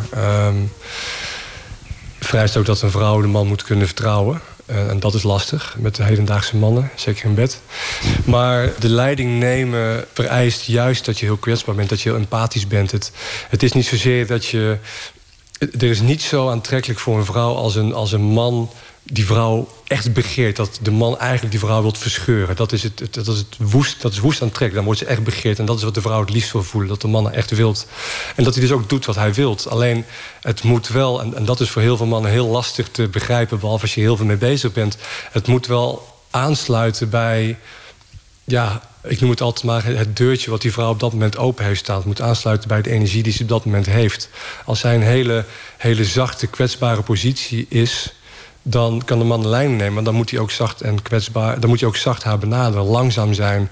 Misschien eerder strelen, haar aankijken. Uh, uh, op die manier rustig het opbouwen. De, wat we wel noemen, eigenlijk het, het, de feminine uitnodigen om naar hem toe te komen. Maar hij neemt wel de leiding. Maar het kan ook zijn dat ze, dat ze met de vuur in de ogen schiet... omdat ze gewoon heel opgewonden is en denkt van... nee mij, nou dan, dan kan de man daarin de leiding nemen... maar dan kan het ook veel, veel, veel ja, ruwer, veel meer uh, met meer passie. Heel veel vrouwen zeggen dat ze in bed een dominante man willen. He, dus dat, dat hun dat opwint van een man die gewoon gaat uh, nou, hè, en, en, het allemaal bepaalt. En dat voel jij wel aan, dat ze een dominante man willen, maar dat jij die rol niet echt hè, wil. Een vrouw wil eigenlijk, zoals ik het zie, een man hebben die de leiding neemt. Maar iemand, het, het moet wel iemand zijn waarvan ze voelt dat hij betrouwbaar is. En wat je heel vaak ziet is een man wel... Die, die krijgt dan wel het gevoel van dat hij eens een keer leiding moet nemen... maar dan weet hij eigenlijk niet goed hoe. En dan zit een soort onderliggende eh, energie op van dat hij iets doet omdat hij denkt dat de vrouw wil dat hij dat doet. En dat, dat is heel onaantrekkelijk voor een vrouw. Dat, dat, dat noemen we ook uh, de pleaser. Er is een heel mooi boek over geschreven door Robert Glover. No More Mr. Nice Guy. Ik zou zeggen, dat zou echt elke man moeten lezen. Voor mij was het een eye-opener. En uh, ik denk dat uh, ik en 95% van al mijn vrienden... of nice guys of recovering nice guys zijn. En, maar dat is eigenlijk wat een vrouw wil. Ze kan het zelf, maar ze wil het niet altijd zelf doen. Ze wil ook gewoon eens ontspannen. Maar uh, we zitten zo in een mannenmaatschappij... dat we eigenlijk op een bepaalde manier, zowel de mannen als de vrouwen, hebben ons eigen gemaakt om te redeneren zoals mannen redeneren. Dus we praten heel erg van een rechtlijnige A naar B. Uh, we gaan van hier naar daar. En als, als je tegen een vriend zegt, nou, vorige week zei je dit en nu zeg je dat, en dat is niet consequent, dan zal hij zeggen, ja, je hebt gelijk, het klopt niet. Of als je tegen een vrouw zegt, dan het heeft geen zin. Het, is een bepaalde manier van denken. Een vrouw is veel is veel sensitiever dan mannen. Die, voelen veel meer. Dus, dus iets wat ze gisteren gezegd heeft, kan vandaag al niet meer waar zijn. En als je als man, dat, dat, dat ken ik bij mezelf ook, wat ik vroeger veel deed. Als je dan tegen je vriendin gaat zeggen van luister, wat je gisteren zei, dat is helemaal niet consequent met wat je nu zegt. En toen zei je dat en zus en zo, dan daar, daar kan de vrouw niet zoveel mee. Oei. Wat hij eigenlijk wil zeggen is dat inconsequentie. Nee, Um, hij bedoelt, denk ik. Nee, niet alle vrouwen zijn inconsequent. Nee, ik bedoel dus niet dat inconsequentie iets vrouwelijk is. Wacht. We kunnen er nog 600 woorden aan vuil maken. Het gaat hem om contact. Ingeborg? Ik beschrijf goede seks als uh, uh, alles wat je kunt doen om uh, elkaar op te winden. Um, en daarin afstemming vinden dus uh, goede seks met z'n tweeën gaat eigenlijk over nou, zoenen, strelen, kriebelen, uh, stripteases geven, weet ik veel wat uh, je allemaal zou willen doen. Um, elkaar met de hand met de mond bevredigen, penetratie, alles wat je kunt verzinnen um, kun je erbij doen. Als je dat in afstemming kan doen en dat je, ook, dat je eigenlijk allebei die opwinding ervaart. En dat je ook nog allebei een hoogtepunt krijgt. Want dat ze eigenlijk een heleboel vrouwen denken van nou dat is hoogtepunt niet zo belangrijk. Dat is wel heel belangrijk, want seksuele motortje blijft beter draaien op het moment dat je regelmatig een orgasme krijgt. Je hebt heel veel verschillende soorten orgasmes, zowel voor mannen als voor vrouwen. En, en de, de meeste mannen en vrouwen kennen er, nou, ik denk één voor, voor beide. En wij noemen dat zelf het, het piekorgasme. En dat is eigenlijk het minst interessante. Dat, dat is een... Uh, je, kan uh, orgasmes in twee uh, manieren indelen. De orgasmes die contracties veroorzaken, nou, dat is het piekorgasme, dat is het pompen, zowel bij vrouw als een man, is dat heel kort samentrekken. En de andere, dat, de andere orgasmes, diepere orgasmes, die duren langer en die, die hebben meer te maken met loslaten en ontspannen en dieper ademen in plaats van oppervlakkig ademen. En het, het is misschien minder intens als die paar seconden. Maar het is op een veel langer stuk uitgespreid. En ik, ik merk zelf dat ik het totaal niet mis, een uh, picogasme. En het, is ook een bepaald soort verslaving, die picogasmen die, uh, die mensen hebben. En, en, ik merk dat ik daar zelf ook best wel problemen aan heb met uh, de pornorisering van de maatschappij. Dat alles zo gefocust is op, op eigenlijk ja, het, het, het eigen lichaam, het, het, het klaarkomen. En terwijl tantra ook juist met name voor de man hè, eh, ook wel gaat, die dan ook in, in bed het mannelijke stuk meestal pakt. De, de, de man ook juist zijn bewustzijn naar buiten moet verplaatsen, niet op zijn eigen lichaam, maar eigenlijk de vrouw moet voelen en door de vrouw heen moet voelen. En, en eigenlijk kan helpen om, om een veilige haven voor haar te zijn, zodat zij zich durft te openen en, en zich veilig voelt en durft over te geven.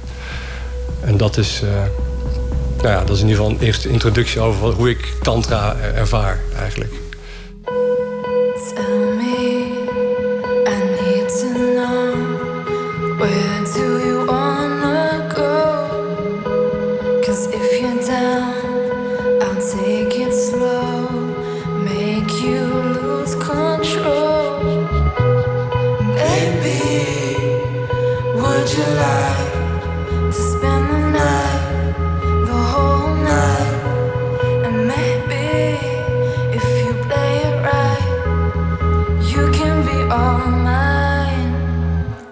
Eerste aflevering vertelde ik hoe mijn zoektocht naar man zijn ook een persoonlijke zoektocht was. Afgelopen week kreeg ik een opmerkelijk bericht in mijn mailbox, mij doorgestuurd door de perscoördinator van Stichting Nieuwe Helden. Ik wil deze mail graag met jullie delen. Beste. Ik kreeg van een goede vriendin van mij een link doorgestuurd van een uitzending van de Nachtzoen met Rashif Elkawi, waarin Rashif vertelt over zijn vader Ahmed. Ik heb zijn vader gekend. We woonden in hetzelfde dorp in de Pyreneeën in Frankrijk. En toen ik de uitzending zag, wilde ik Rachif graag een paar foto's sturen van Ahmed in Noaid, Frankrijk. Helaas zijn de foto's mede door zijn plotselinge overlijden toch alweer van een lange tijd geleden. 2003. Omdat ik Rashif niet ken en zijn e-mailadres niet, dan niet heb, hoop ik dat je deze aan hem zou willen doorsturen. Met dank en vriendelijke groet. In bijlage zaten vijf foto's van een man die ik tot mijn jonge tienertijd zeer goed gekend heb en eigenlijk nooit echt heb gekend. Een overleden man die ik al lang verloren had voor zijn dood zes jaar geleden. Opgestuurd vanuit een plek die ik nog nooit bezocht heb. In de volgende aflevering ga ik dieper in op mijn persoonlijke verhaal. En stel ik de vraag: hoe belangrijk is een vader om een goede man te worden? Bedankt voor het luisteren en graag tot een volgende keer. Deze podcast werd geschreven en verteld door Rashid Elkawi en geëdit door Fien Leijzen. Deze podcast is een onderdeel van het project De Man is Lam. Een zoektocht naar man zijn in theater, fotografie en radio. En werd gecreëerd door Rashid Elkawi, Lucas de Man en Ahmed Polat. Dit project kwam tot stand met de steun van Stichting Nieuwe Helden, Stage Z van Theater Zuidplein, Het Zuidelijk Toneel en VPRO Nooit meer slapen.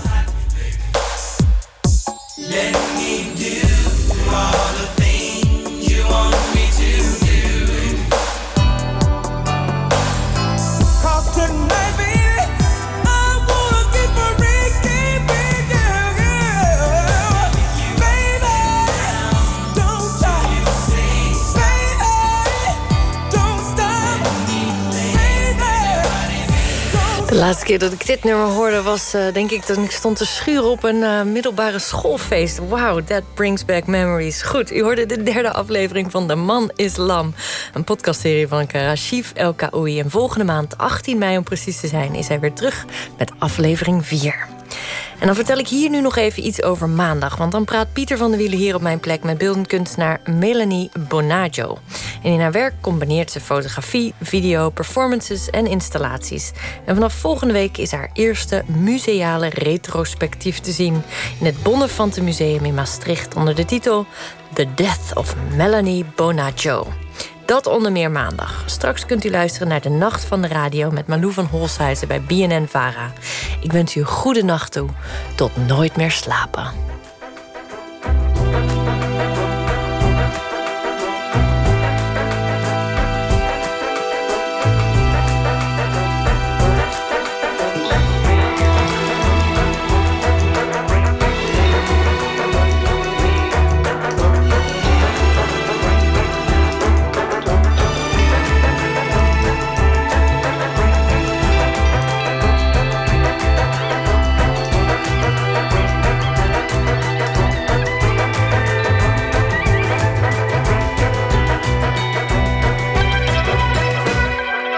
Radio 1. Het nieuws van alle kanten.